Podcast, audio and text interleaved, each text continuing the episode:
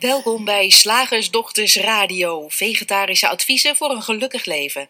Linda Spaanbroek en Angela Mastwijk geven je een kijkje achter de toonbank van de menselijke ervaring. Hoe werkt het daar nu echt? Wij maken gehakt van ingewikkelde concepten en fileren met liefde ook jouw leven. Dat alles onder het motto geluk. Mag het een onsje meer zijn? Hi luisteraars, ik ben Linda. En hier zit Angela.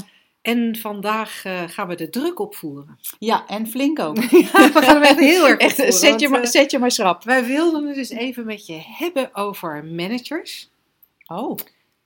Uh, of de manager van je manager, dat maakt eigenlijk niet zoveel uit. Of de Ja. CEO van je bedrijf. Ja. Uh, maar in ieder geval van, van, van die mensen die steeds hogere targets opleggen. ja. En, en misschien is het ook wel toepasselijk bij bijvoorbeeld voor studenten. Uh, druk van professoren, ik weet het niet, van studiebegeleiders, van... Van de ehm, studiefinanciering. Nou, dat. Druk van ouders die vinden dat je binnen een bepaalde tijd je studie af moet hebben. Dat geldt misschien voor iedereen wel, ook al studeer je niet. Gewoon druk van ouders. De druk dat je uh, wel je propeduizen binnen een jaar moet halen in het kader van de studiepunten. Het, het, het bindend studieadvies is het Ja. uh, volgens mij. Ja. Um, de druk van bovenaf die je als, uh, als, als, ook als jong kind kunt ervaren. Ja. Er moeten goede cijfers gehaald worden. De druk die je kunt ervaren als je een beetje hoog sport. Oh ja, dat is ook nog zoiets. Want ja. dan is er een trainer, een coach, ook weer die ouders. Ja, Steven mee. En, um, ja, dus, dus, dus of, of, het nou, of het nou gaat om jou bij je studie, of dat het gaat over op je werk. Hè. Ik, ik, uh, ik had hier van tevoren even een klein stukje beschreven en daar had ik het ook wat meer ge, gericht op het op, op werk en managers en personeelsbudgetten die elk jaar een beetje naar beneden geschroefd worden, maar uh, uh, targets die steeds hoger worden. Maar dat kan natuurlijk in, hè, zoals we net zeiden, voor studenten, voor ja. leerlingen op de middelbare school, op de lagere school, zelfs in sport, kan dat precies hetzelfde zijn. Um, waardoor er eigenlijk het, het gevoel ontstaat dat er steeds meer gedaan moet worden. Uh, in het geval van werk ook met steeds minder mensen. Uh, maar wat jouw situatie ook is, de druk op jou lijkt echt steeds hoger te worden. En je moet je meer en meer een slag in de ronde te werken om alles af te krijgen. En ja, de stress die dat oplevert, die lijkt zijn tol te eisen. Ja. Ziek melden, um, ontslag nemen, stoppen met je studie of jezelf weer daar, weerbaarder maken, lijken dan eigenlijk de enige mogelijkheden om te dealen met die druk van bovenaf. Mm -hmm. En uh, ja, wij willen eens met je kijken of, uh, of en waar er licht en lucht gevonden kan worden. Want ja. We horen natuurlijk ook steeds vaker, um, steeds vaker dat het ziekteverzuim bij bedrijven stijgt. We horen steeds vaker dat burn-out en overspannenheid niet alleen in het bedrijfsleven steeds vaker voorkomt, maar ook onder studenten. Zeker, uh, ja. Soms echt burn-out, soms meer in de vorm van depressiviteit. Ja. Kinderen die angstig worden. In veel gevallen doordat de druk meer en meer opgevoerd wordt. Ja. Althans, zo ziet het eruit. Zo ziet het eruit. Ik zag laatst zelfs een of andere speciale, ik weet niet of het een coach was of een, of een training, voor, voor muzikanten. Want dat schijnt dan een, uh, nou ja, een niche te zijn. Mhm. of een apart slagvolkje. Ik weet niet hoe je dat moet zien. Maar in ieder geval, um, de insteek daarvan was ook dat zij dan een, een speciale mate van druk kregen opgelegd. Ik begreep het niet helemaal, maar ik dacht, god, het is ook echt in alle sectoren uh, lijkt het zo te werken zoals jij nu net omschrijft, Linda. En, uh, hè, want ik, ik, ik, ik was er verbaasd over, want ik dacht, oh, maar muziek maken, dat is toch echt iets van creatie en, en flow en samenspel. En ja, natuurlijk moet er geoefend worden, maar ik neem aan als je muzikant bent dat dat je passie is. Om, ja. om maar even een, een, woord erin te gooien. Dat je dat fijn vindt om te doen. Dat dat, dat dat echt iets ook is waar je misschien talent voor hebt. Wat je, wat je graag doet. En ik dacht, oh, en dan toch dat. Ik vond het interessant. Ja, het is ook interessant. Mijn zoon uh, uh, studeert muziek in Londen. En die heeft ook in zijn bachelor is er een apart vak wat gaat over de ontwikkeling van jezelf als muzikant. En daar is omgaan met stress een hele belangrijke uh, Wauw. Ja. En, en eh, mijn jongste die ehm, rechten heeft gestudeerd, die kreeg in, in eerste of tweede jaar al te horen van, nou ja, mocht je de advocatuur ingaan en waarschijnlijk ook andere richtingen, maar reken er maar op dat je voor je dertigste de eerste burn-out te pakken hebt. Ja. was gewoon een soort ingecalculeerd. Nee, Ja. is prima joh. Ja, nou, mijn, mijn, mijn surrogaatdochter die geneeskunde studeert, Ah. krijgt nu ook, die zit nu in haar vijfde jaar. En die krijgt nu ook, ik weet niet of het een verplicht vak is. Dat had ik niet helemaal goed geregistreerd toen ze van de week over appte. Eh, maar daar, daar komt ook een speciale training en cursus voor iedereen die kooschappen loopt om om te gaan met stress. Dus Mhm. ook daar is het ingebakken. Ja. En ik kan me ook zo voorstellen dat daar eh, ervaren wordt dat er druk van bovenaf is door, door misschien ervaren chirurgen die jou eh, opjagen tijdens. eh, hè, dat moet natuurlijk, dat luistert nogal nauw als je aan in iemand staat te snijden, kan ik me zo voorstellen. Ja. Ehm, ja, dat ook daar elke keer datzelfde, dat, datzelfde mechanisme aan de hand lijkt te zijn. Nou, en wat ik dan zo eh, een beetje jammerlijk vind, is dan of, je nou, of het nou gaat om dat je stress hebt van je werk. Hè, dat het op je werk te druk is of in je studie. Of, nou, al die dingen die we net genoemd hebben. Kijken wat op jou van toepassing is. Luister een beetje naar ons met, met eh, jouw situatie in je achterhoofd. Dan gaan we zoeken, dan wordt er gezocht in zijn algemeenheid naar oplossingen voor die stress. Mhm. En, en dan zijn er eigenlijk twee mogelijkheden. Of je moet zelf veranderen, Ja. of de buitenwereld moet veranderen. En soms kiezen we voor een combinatie van die twee. Het lastige van de buitenwereld is, is dat we daar vaak weinig invloed op hebben. Ja. Eh, dus dat levert vaak frustratie op, Ja. boosheid. Ja, ik heb gepraat met mijn manager, maar hij luistert gewoon niet. Of hij zegt dat hij er niks aan kan doen, want de aandeelhouders, da da da. Ja. Dus dat, is, eh, dat, dat levert extra frustratie op. Die, een beetje, weet je, die, die draagt bijna bij aan je extra stress. Of je moet zelf eh, veranderen. Ja. En dan wordt er toch heel vaak gekeken in hoeken waarvan ik me helemaal kan voorstellen dat daar verlichting in zit. Maar die tegelijkertijd ook extra werk opleveren. Want dan wordt er vaak gekeken naar, ga mindfulness doen. Ja. Of ga aan meditatie doen. Mhm. En allebei dingen die super goed kunnen helpen om eh, nou ja, wat, wat Ja. minder in je hoofd te zitten. Maar tegelijkertijd zijn het wel weer nieuwe dingen op je to-do-lijst. Uren in je agenda. Sporten op het werk is eigenlijk hetzelfde. Sommige werkgevers bieden, eh, bieden sportgelegenheid of uren aan. Maar het is ook weer inderdaad iets wat je moet doen, wat je dan moet bijhouden, waar je misschien weer in een schema terechtkomt, wat dan wellicht niet strookt met wat je van plan was. En ook dingen als. ehm, wat je nu steeds vaker ziet, is dat er speciale iemand wordt aangesteld om het werkgeluk bijvoorbeeld in de Ja, gaten te houden. Een dan- Chief Happiness Officer hoorde ik laatst. Kijk, CHO. We hebben weer een nieuwe af, eh, afkorting, dames en heren. En dan wordt er gekeken van wat, hoe kunnen we de werkplek zo fijn mogelijk maken? Of hoe gaan we met elkaar om? Ik weet niet precies wat het allemaal behelst. Maar ik kan me zo voorstellen dat dat allemaal knutselen is aan, eh, ja, aan omgevingen. Er was gisteren toevallig in het nieuws naar zo'n zo'n kantoortuin. Daar word je dus per definitie ongelukkig van met hoofdpijn en, eh, en een burn-out. Dus dan moeten we weer van de kantoortuin af. Ja. En allemaal. Of, dat is dan nog even Ja. een optie die ik ook nog wil noemen.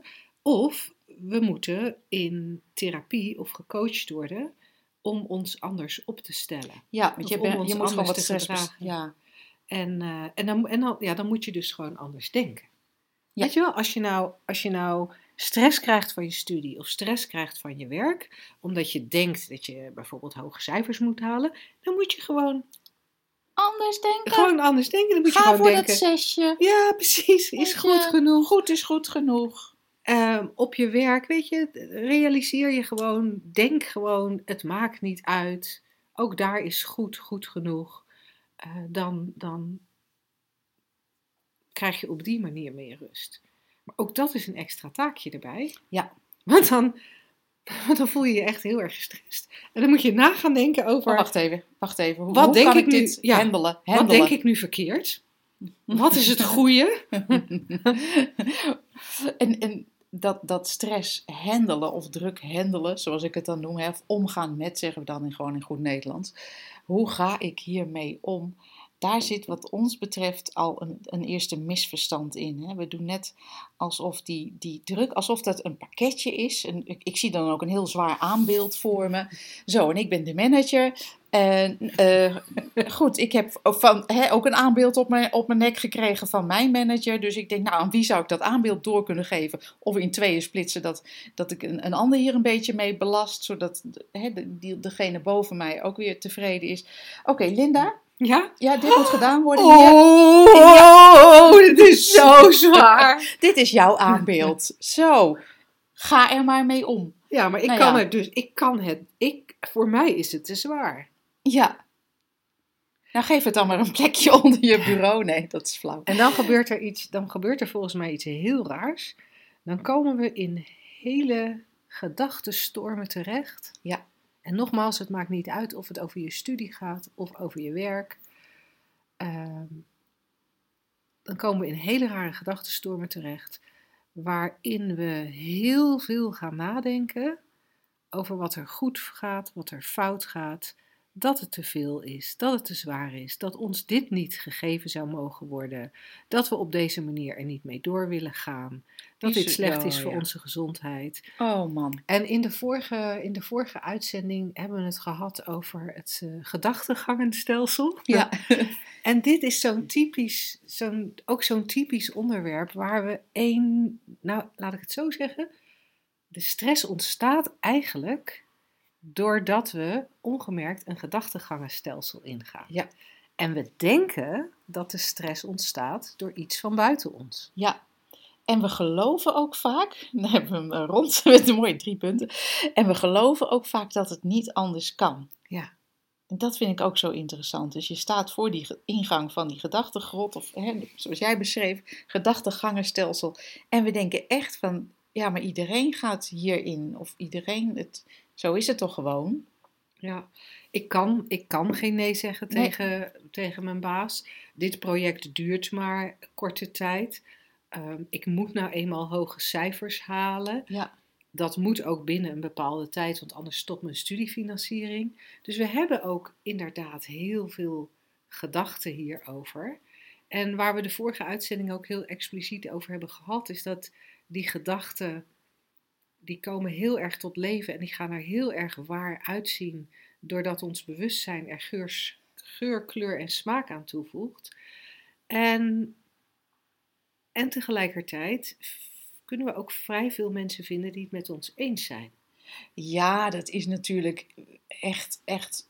Zet op Twitter dat de, de druk van je studie te hoog is en je krijgt enorm veel bijval. En, en ehm, ehm, ik, ik, ik zit tegenwoordig vaak in de trein. Hè? En eh, nou, het, is, het is fascinerend als je daar luistert. Ik vind het heerlijk om te luisteren in de trein. Hoe, hoe, en ik hoor dan veel jeugd praten. Hoe er gepraat wordt over studies en over druk. Alsof het ook een soort badge of honor is. Ja. Alsof het niet anders kan, niet anders mag. En we geloven. Nou ja, als ik luister, er is er een collectief geloof in gedachten. En, en, en dan, dan denk ik, dat is dan even perso- mijn persoonlijke eh, dingetje, hè, van, van, van jeetje, ik dacht dat, dat vroeger alleen bejaarden zulke vaste, maar zulke alleen vaste denkbeelden hadden. En ik hoor het nu gewoon van 19, 20-jarigen. Ja, nee, maar je moet natuurlijk wel. En, en de maatschappij vraagt om. En ik denk echt, wanneer, wanneer is dit gebeurd? Wanneer Ja. zijn we zo gaan geloven? Wanneer zijn we die aannames eh, eh, ja, gaan, gaan zien als iets wat een gegeven is, in plaats van een willekeurige gedachte, waar je dus echt, waar niemand, waar niemand jou aan houdt, hè? Alleen jijzelf, zolang je daar geloof aan hecht. En wij zeggen wel eens van, van er is geen enkele gedachte waar. Nou, dat kan ook direct heel veel strijd opleveren natuurlijk. Er is geen enkele gedachte waar. Moet je maar eens even wat jouw favoriete eh, ehm, eh, onderwerp is qua druk, qua stress, qua weet ik veel, eh, schuren en wringen in je leven, wat, wat veroorzaakt lijkt te worden door, door, door studie of werk. En, en dan aanhoren van niks wat je denkt is waar. Moet je kijken hoeveel weerstand daartegen komt. En welke gedachtegangenstelsels je onmiddellijk in wil lopen. Dus Ja. dat is echt leuk om eens naar te kijken. Ja, ja.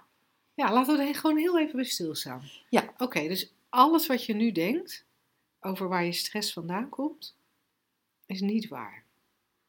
Nee. Alles wat je denkt dat je moet, is niet waar. Alles wat je denkt over jezelf, dat je een loser bent en tekortschiet en je toekomst nooit wat wordt, is Ja. niet waar. Alle voorspellingen die je doet, ja, maar dan word ik ontslagen, ja, maar dit, ja, maar dat, hoeven niet waar te zijn. We Nee. weten nooit wat er gebeurt voordat het gebeurt. En Het is dus niet waar op het moment dat je het voorspelt. ja, en daar zit iets heel interessants anders in dan waar we het net over hadden. Van als je gaat omdenken, als je Ja. gaat proberen iets anders te denken dan wat je nu denkt. Dat lukt eigenlijk zelden, omdat dat wat je denkt, ja, dat voelt nou eenmaal zo echt. Dat is voor jou Ja. echt de waarheid. Dus jezelf dwingen iets anders te denken is niet zo zinvol. Maar wij merken in praktijk dat er wel iets kan gebeuren als je durft te gaan zien dat wat er in je opkomt aan gedachten, hoe echt het ook lijkt, eigenlijk alleen maar neutrale gedachte-energie is. En de enige reden waarom het niet neutraal voelt, is, is doordat dat bewustzijn, zoals Ja. ik net al zei, die geur, kleur en smaak eraan geeft. En hoe dieper het geloof lijkt het wel, hoe meer geur, kleur en smaak eraan gegeven wordt. Ja. Hè? ja, dat is ook heel interessant, want het is vandaag, het is vandaag een dag waarop het eh, daarnet flink gehageld heeft. Ja, Als, eh, nou, ik, ik, kan daar, ik kan daar best van denken, koud zeg die hagel. ja, Maar, het, of, of oh, jammer dat het hagelt, als het iets neutraler maken. Ik zou wel graag in het zonnetje willen lopen. Maar dat is een gedachte waar ik nou niet heel erg warm of koud van word. Dus er, er gebeurt qua sensaties gebeurt er ook niks in mijn lijf. Dus ja, als je dan tegen mij zegt, nou het is helemaal niet waar dat het erg is om in de hagel te lopen. Dan Ja. denk ik, nou ja, ja. nee, nee, dat is misschien ook, nee, daar heb je Nee. wel gelijk in. En, maar al die dingen waar we, waarvan we denken Ja. dat ze nodig zijn om ons vege lijf in stand te houden, ja. letterlijk en figuurlijk. daar Oh, is het man. vaak heel veel moeilijker te zien dat dat, dat denken in, in oorsprong neutraal is. En, en dat is ook zoveel fundamenteler. Hè? Want stel dat je een opdracht krijgt die je echt niet af, die, die gewoon onmogelijk is binnen het gegeven aantal uren. Ik zeg maar even, ne- we nemen dat eventjes voor Want waar dat kan, aan. want, want dat Ja. kan gewoon Ja. gebeuren. Als iemand nu Ja. tegen mij zegt, Linda, ik heb hier eh, vijf uur ingesproken tekst. Jij moet dat binnen vijf uur uitgetypt hebben. Nou, dat gaat me gewoon niet lukken. Nee, mij zeker niet.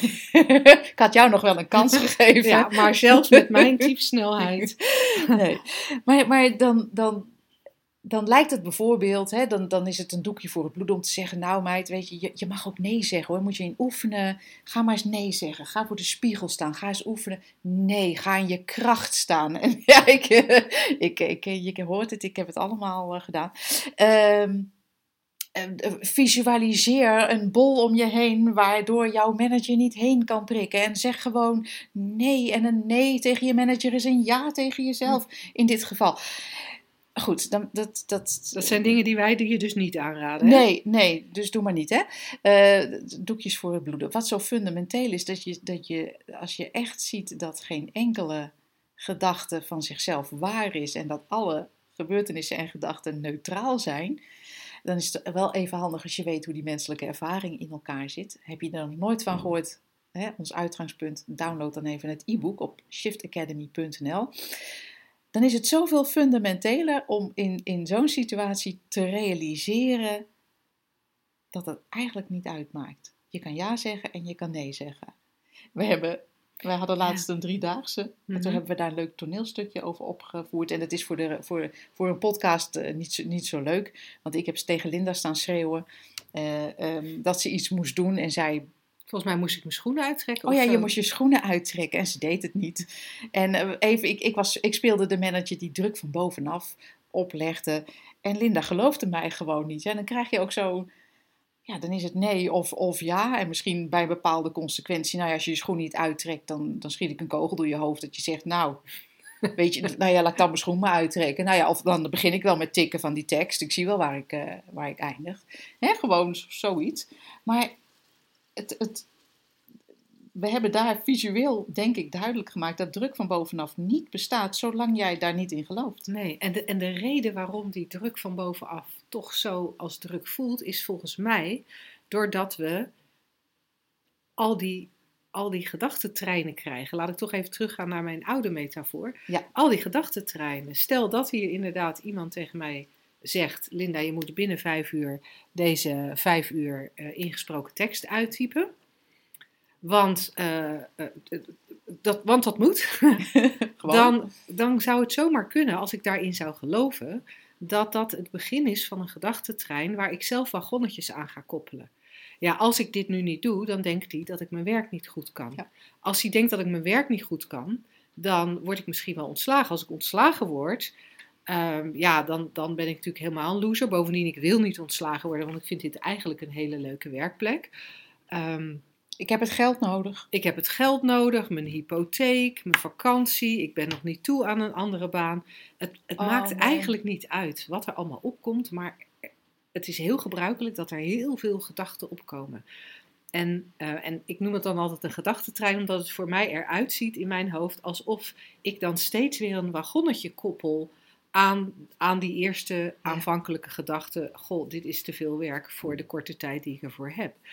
En al die wagonnen die ik eraan koppel, die worden ook weer allemaal geanimeerd door dat bewustzijn, waardoor er, waardoor er steeds meer gevoel van stress en ellende en noodzaak komt. Ja, want er zitten in die gedachtentrein van mij, zoals ik hem net voordeed, zitten Ja. enorm veel angstige toekomstvoorspellingen, maar zitten ook heel veel dingen die te maken hebben met dat ik niet goed genoeg zou zijn, dat ik, dat ik uit mijn huis moet, weet je, het wordt... Oh man.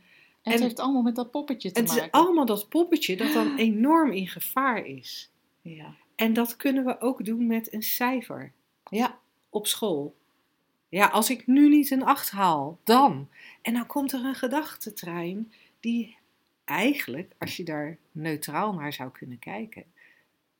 Ik wou zeggen nergens op slaat, maar laat ik Nou. het dan even neutraal houden. Die, die, die niet waar is. nee. Uh, ja, het zou kunnen zijn dat je blijft zitten. Ja, het zou kunnen zijn dat je van school moet. Allemaal. Maar, maar daarmee ligt er een wereld voor je open. Terwijl we als we in zo'n gedachtentrein zitten, denken we dat daarmee ons leven afgelopen is. En, Wat een verschil, hè? en dat is een heel groot verschil. Zo. Er, Ja. en uiteindelijk hè, komt het dan neer, komt het dan terug, toch terug bij dat we maar denken dat we dat poppetje, in mijn geval dat Lindaatje, in jouw geval dat Angelaatje, dat we dat in leven moeten houden. En dat we geen enkel vertrouwen hebben, maar dan ook echt geen enkel vertrouwen in de loop van het leven. ja, dat wij in essentie ook zijn, hè? Wij denken maar dat we een leven hebben waar we iets mee moeten doen. Maar, maar je, je, je bent dat leven. En dat, we zijn dat vertrouwen een beetje kwijt. En wij hopen dat een beetje, beetje te herstellen, Ja, lijkt het wel. Alsof ja. we dat eh, aan het doen zijn. Als, bij, als bijverschijnsel van, van inzicht. En misschien als we, het, als we het een beetje samenvatten, want we zitten al aardig aan de tijd. Dat, dat druk van bovenaf niet bestaat. We leggen het vaak uit als druk van binnenuit. Zo ben ik nu eenmaal, ik ben nu eenmaal een stresskip. Maar dat het uiteindelijk een illusie is. Omdat, Ja, en, en wat zo hoopgevend is, ja, dat die illusie echt, die, die kun je doorzien. En Ja. dat kan bijvoorbeeld door nog lekker heel veel van onze podcasts te beluisteren. Het kan door een van onze trainingen te volgen, live of online, of naar een driedaagse te komen. Ehm, maar het kan, het kan ook op dit gebied echt heel veel makkelijker. En, en degene die dit zegt was ooit echt een hele erg stresskip met een eh, goede burn-out onder haar, eh, onder haar riem, zeg maar. Eh, dus ehm, dus dat, dat, dat kan echt. En wat ons betreft is het de weg die zoveel makkelijker is, omdat dit, dit doorzien de weg is naar echte vrijheid Ja. en, en ruimte. In plaats naar een soort schijnvrijheid en alleen maar ja, meer overleven. Ja, ja. Echt overleven. ja. En ik denk die zin die je net uitsprak, die wil ik graag nog even herhalen. Want ik, ik- dat, dat vind ik een hele mooie, mooie omschrijving van je, je denkt dat je wereld vergaat. Hè, met al die, met, als je je gedachtentreinen gelooft en als je je omkeert de andere kant op, ligt er een wereld voor je open. Ja. Ha, daarmee gaan we gewoon naar de vraag. Zeg, slagersdochters, hoe bak ik die vegaburger? Over naar de luisteraarsvraag. Nou, deze vraag eh, is van Bernice. Bernice eh, deed mee aan de driedaagse kort geleden en ze, en, ze heeft meegedaan aan Time to Shift. En ze zei dat het haar daarnaast eh, leuk leek om ook een vraag te stellen voor de radioshow. Nou, sorry Bernice, ik had jou gezegd dat die op 4 maart beantwoord zou worden, maar het is een weekje later geworden. Ehm, en jij hebt een vraag over dankbaarheid. En je zegt of je schrijft, je hoort tegenwoordig veel over dankbaarheid. Dat in plaats dat in plaats van te focussen op het negatieve, je je beter zou kunnen focussen op waar je allemaal dankbaar voor bent. Ik heb een tijdje een dankbaarheidsdagboek bijgehouden en merkte wel een aanzienlijk verschil in hoe ik mij voelde en hoe ik het leven ervoer. Mijn vraag is: zodra je de kant op kijkt van de drie principes, is het dan nog goed om met dankbaarheid bezig te zijn of helemaal niet nodig? Aangezien jullie het altijd hebben over niets te doen, alleen maar dingen inzien. Dat je zodra je in gaat zien dat je helemaal oké bent, je niets meer nodig hebt. Ik ben heel benieuwd naar wat jullie mij hierover kunnen vertellen. Nou, wat een coole vraag. Ja, is heel leuk. Ja, ja ook een hele bekende, denk ik, vooral in, in, in de spirituele wereld. Hè, dat dankbaarheid. Ehm, en ik, ik hoor ook heel veel mensen, ik weet niet of je eh, in jouw omgeving ook, dan zeggen ze ja, mijn morning pages heb ik gedaan. Ja. Weet jij wat dat is? Ja, ja dat, is een, dat is een techniek waarbij je 's ochtends een, eh, een half uur. Nou ja, je pakt een schrift en eh, je gaat een half uur schrijven. En je schrijft gewoon wat er in je opkomt. Oh, Dus zonder. ehm, ik geloof dat als je het heel strikt doet, dat je zelfs dat doet zonder je pen van het papier te halen. Dat laatste detail weet ik niet zeker.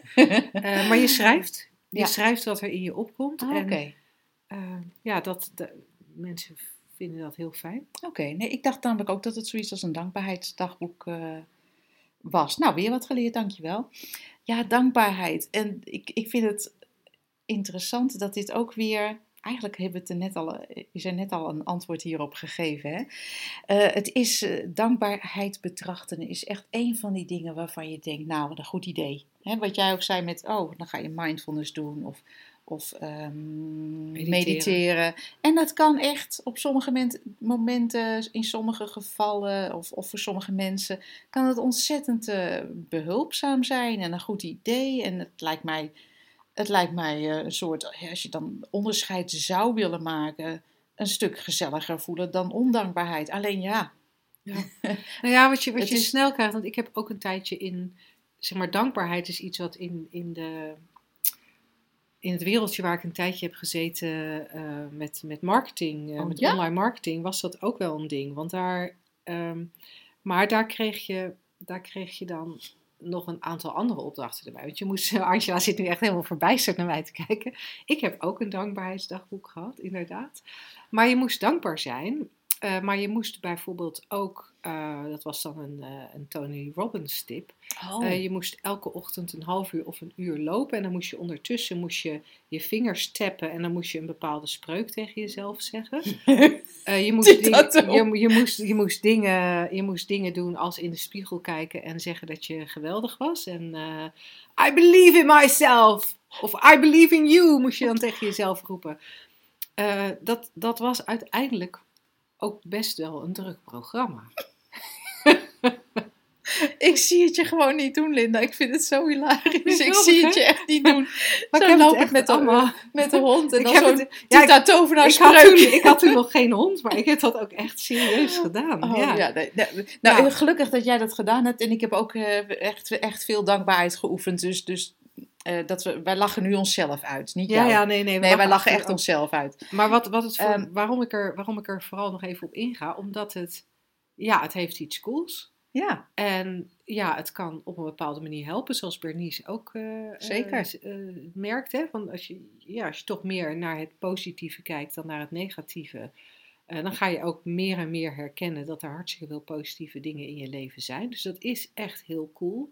Alleen, het is iets wat je vol moet houden. Ja. En bij sommige mensen wordt het een automatisme. Nou, dat is lekker. Eh, bij mij werd het dat niet. nee. En, ehm, en ik heb altijd van mezelf gedacht dat ik een glas half vol mens was. Mhm. Maar als ik er nu op terugkijk, denk ik, nou jongen, Mijn glas was nog niet, ja, mijn glas was echt bijna tot de bodem leeg. Drie Ik druppels deed- zaten erin. Ik deed, wel, ik deed wel heel optimistisch, maar ondertussen had ik alsmaar het idee dat er van alle kanten gevaar dreigde en dat er van alles niet oké was of Ja. niet goed genoeg. Weet je, er waren best wel Ja. dingen wel goed, maar nooit goed genoeg. Het, het kon altijd beter, het Ja. moest altijd beter.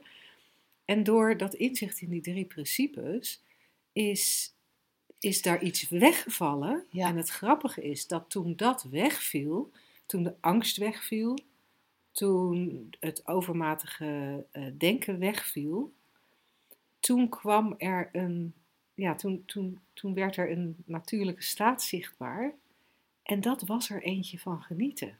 Ja, En ik wil nou, ik wil, ik geloof niet dat ik in termen van dankbaarheid denk. Ehm, maar ik kan zo intens genieten van alles. ja. Nou ja, bijna alles. Bijna alles. En daar zit, daar zit een wezenlijk verschil in. Hè? Het is echt cut out the middleman. Ben je bezig met dankbaarheid om een beter leven te krijgen? Of om, eh, om, om meer, nou ja, om, om andere ervaar, een andere ervaring te hebben dan degene die je nu hebt? Of degene die je nu hebt te verbeteren? Of is er inderdaad, doordat je ziet dat elk moment eh, simpelweg een, een samenspel is van die drie principes...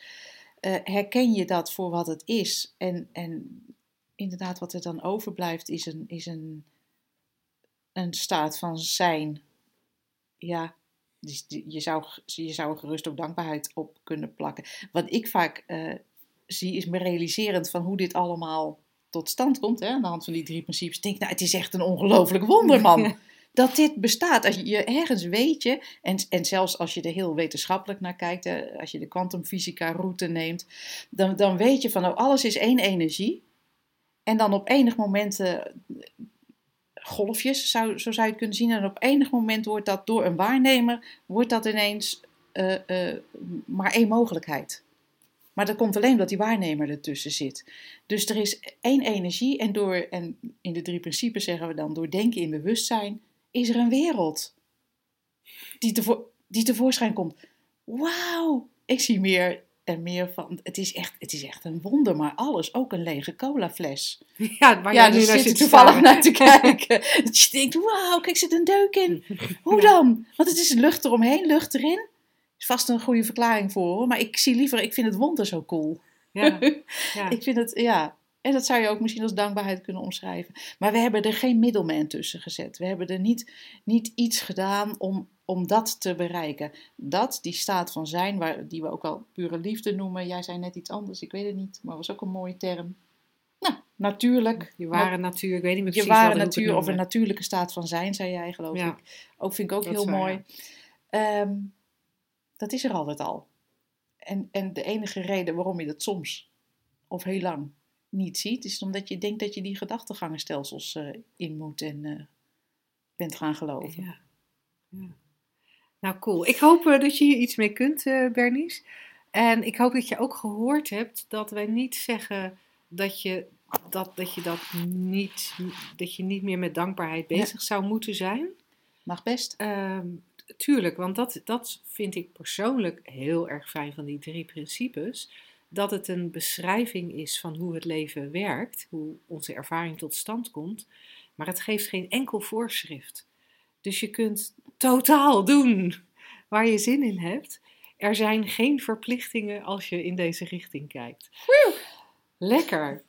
Nou, mocht jij als luisteraar, net als Bernice, een eh, vraag hebben, we ontvangen ze heel graag van je. Eh, stuur ze naar vragen.slagersdochters.nl en dan hoor je je antwoord in een van de volgende radioshows. Woensdag, gehaktdag. Zeg slagersdochters, welk concept gaat er vandaag door de molen? Nou ja, dit is dus een concept waar ik even voor. Ik moet even, ik moet Ja? even een ander plekje zien te vinden. Wat? Ja, nou, ik zit mezelf dus een beetje in de weg. Dus ik dacht, als ik nou ergens anders ga zitten, zou ik Ja. mezelf dat niet meer in de weg Als jij nou onder de tafel gaat zitten en, en, en jezelf. Wacht even, je, je, je, bent, je klinkt wel schizofreen. Jij zit jezelf in de weg. Maar is dat, zijn dat twee fysieke dingen dan? Nou, ik weet het niet, maar Nee, het maar is het ja. concept van vandaag. Nou, ga onder de tafel liggen en dan kijken we wel wat er op die stoel blijft zitten. Maar het zit in ieder geval elkaar niet meer in de weg dan. Ja, het is, het is weer geinig, hè? hij is weer leuk. Ja, ik, zit mezelf in de weg. zeiden zij in koor. Nou zaten we elkaar bijna in de weg, maar het klonk weer zo harmonieus dat dat weer niet zo was. En, Heerlijk. en Wat zeggen we dan? nou, volgens mij zeggen we, ik denk dat we zeggen, ik zit mezelf zo te mindfucken. Ja, Ik zit zo al mijn gedachten te geloven en al die gedachtentreinen helemaal uit te denken en te bekijken. En, en ik word echt niet goed van, van van het gezeik in mijn hoofd. ja, Zegt ze nu, dames en heren. ja zomaar, zomaar op de radio. Er, is, er zijn dus heel veel gedachten, misschien gevoelens ook. Hè? Je, kan, je kan ook, stel dat je niet specifiek eh, gedachten kan benoemen, hoeft ook niet van ons, maakt niet Het uit. is een beetje twee kanten van dezelfde munt, hè? Ja, Gedachtegevoel. Gevachten. Ja. Er is een ervaring, laten we het even samenvatten in ervaring, vind ik ook altijd mooi. Er is een ervaring van eh, eh, wringen en schuren. En dan gaan we dat uitleggen als je zelf in de weg zit. Maar het enige wat er gebeurt is wringen en schuren. En dan is het weer zo ongelooflijk handig om te weten dat dat wringen en schuren alleen maar bestaat uit gedachten in bewustzijn. Alleen maar een ervaring is die, die nou eenmaal ja, menselijk is, waar we niks mee hoeven. Wat, wat- ja, waar je gewoon in op kan gaan eigenlijk. Je hoeft er niet van weg, hè? Want, Nee. eh, je- ik zit mezelf in de weg. Dat klinkt ook zo van wat jij net zei. Ik ga opstaan en ik ga ergens anders liggen of zitten of Ja. lopen. Maar je hoeft er niet van weg. Er is alleen maar de ervaring. Maar weet je wat ik dan, waar ik, in, waar ik ineens heel erg om moet lachen? nou, Is dat dan, eh, nou dan zeggen we, we, ik zit mezelf in de weg. ja. Ehm, vaak is er ook nog wel een beetje een, toch wel een beetje een idee of een gevoel dat dat, dat dat iets te maken heeft met dat denken of dat voelen of dat ergens heel erg mee bezig zijn. En wat we dan een briljante oplossing vinden, ja. is om dan eens even te gaan bedenken hoe we hiervan afkomen. Oh ja. En dan proberen we onszelf uit dat nare gevoel te denken. En dan hebben we even niet in de gaten dat we juist in dat nare gevoel terecht gekomen zijn door dat denken. ja. Dus dat je dat, je, dat, dat wat de oorzaak is van, het, van de ellende, probeer je ook als oplossing te gebruiken. Nou, dat gaat niet werken. Nee, dat is echt nog nooit iemand gelukt. Jezelf uit ellende denken. Nee. Nee. Nee. Soms heb je het niet eens in de gaten hè, dat er gewoon eventjes ergens ruimte ontstaat omdat er iets anders, ja, iets anders opkomt of omdat het even wegvalt of weet ik, of je gaat slapen. Ja, en dan droom je, dat is een andere ervaring. We hebben niet eens in de gaten dat het niets is van zichzelf. Dat is ook trouwens interessant, hè? Want wat dat, ik, ik heb ooit wel eens een artikel geslapen, eh, geslapen, geschreven over dat ik slapen zie als een soort reset button. Ja, Hoe waardeloos je je s'avonds ook voelt. Het is heel vaak dat als je de volgende dag wakker wordt, dat het leven er anders uitziet. Vast niet altijd, maar in veel gevallen wel. je kan, je kan best ochtends denken, wat was er ook alweer? Oh ja, fuck, Ja, dat ene probleem, hup, daar ga je maar weer. dat is een aanwijzing, hè? Dat als er, als er even geen denken in bewustzijn is, dat er zomaar iets, zomaar iets verandert. Dat Ja. het dan zomaar zou kunnen zijn dat je jezelf niet meer in de weg zit, als dat Ja. al een ding is. Ik, ik schrijf in, eh, in een van mijn boeken ook dat de hoofdpersoon denkt: ja, moet ik mezelf dan elke keer gewoon bewusteloos slaan als ik in zo'n, Ja. in zo'n staat verkeer? Nou, het is wel effectief, maar misschien niet zo gezond. Ik weet het niet. Voor het aardepakje. Maar dat is Noor, toch? Die dat dacht. Ja, Ja, ja, ja. En Noor, Noor is de hoofdpersoon uit Altijd Thuis. Echt een super leuk boek.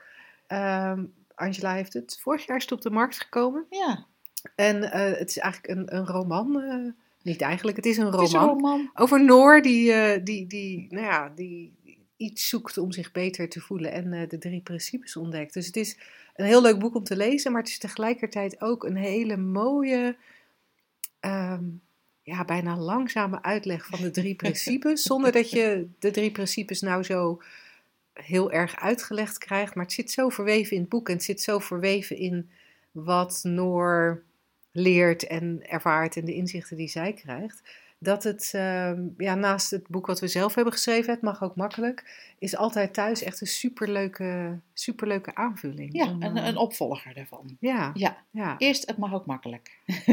En, ehm, Om er een beetje in te komen. ja, en, en Noor worstelt daar dus ook mee. Dat, Ja. eh, Ja. die zit zichzelf ook een beetje in de weg.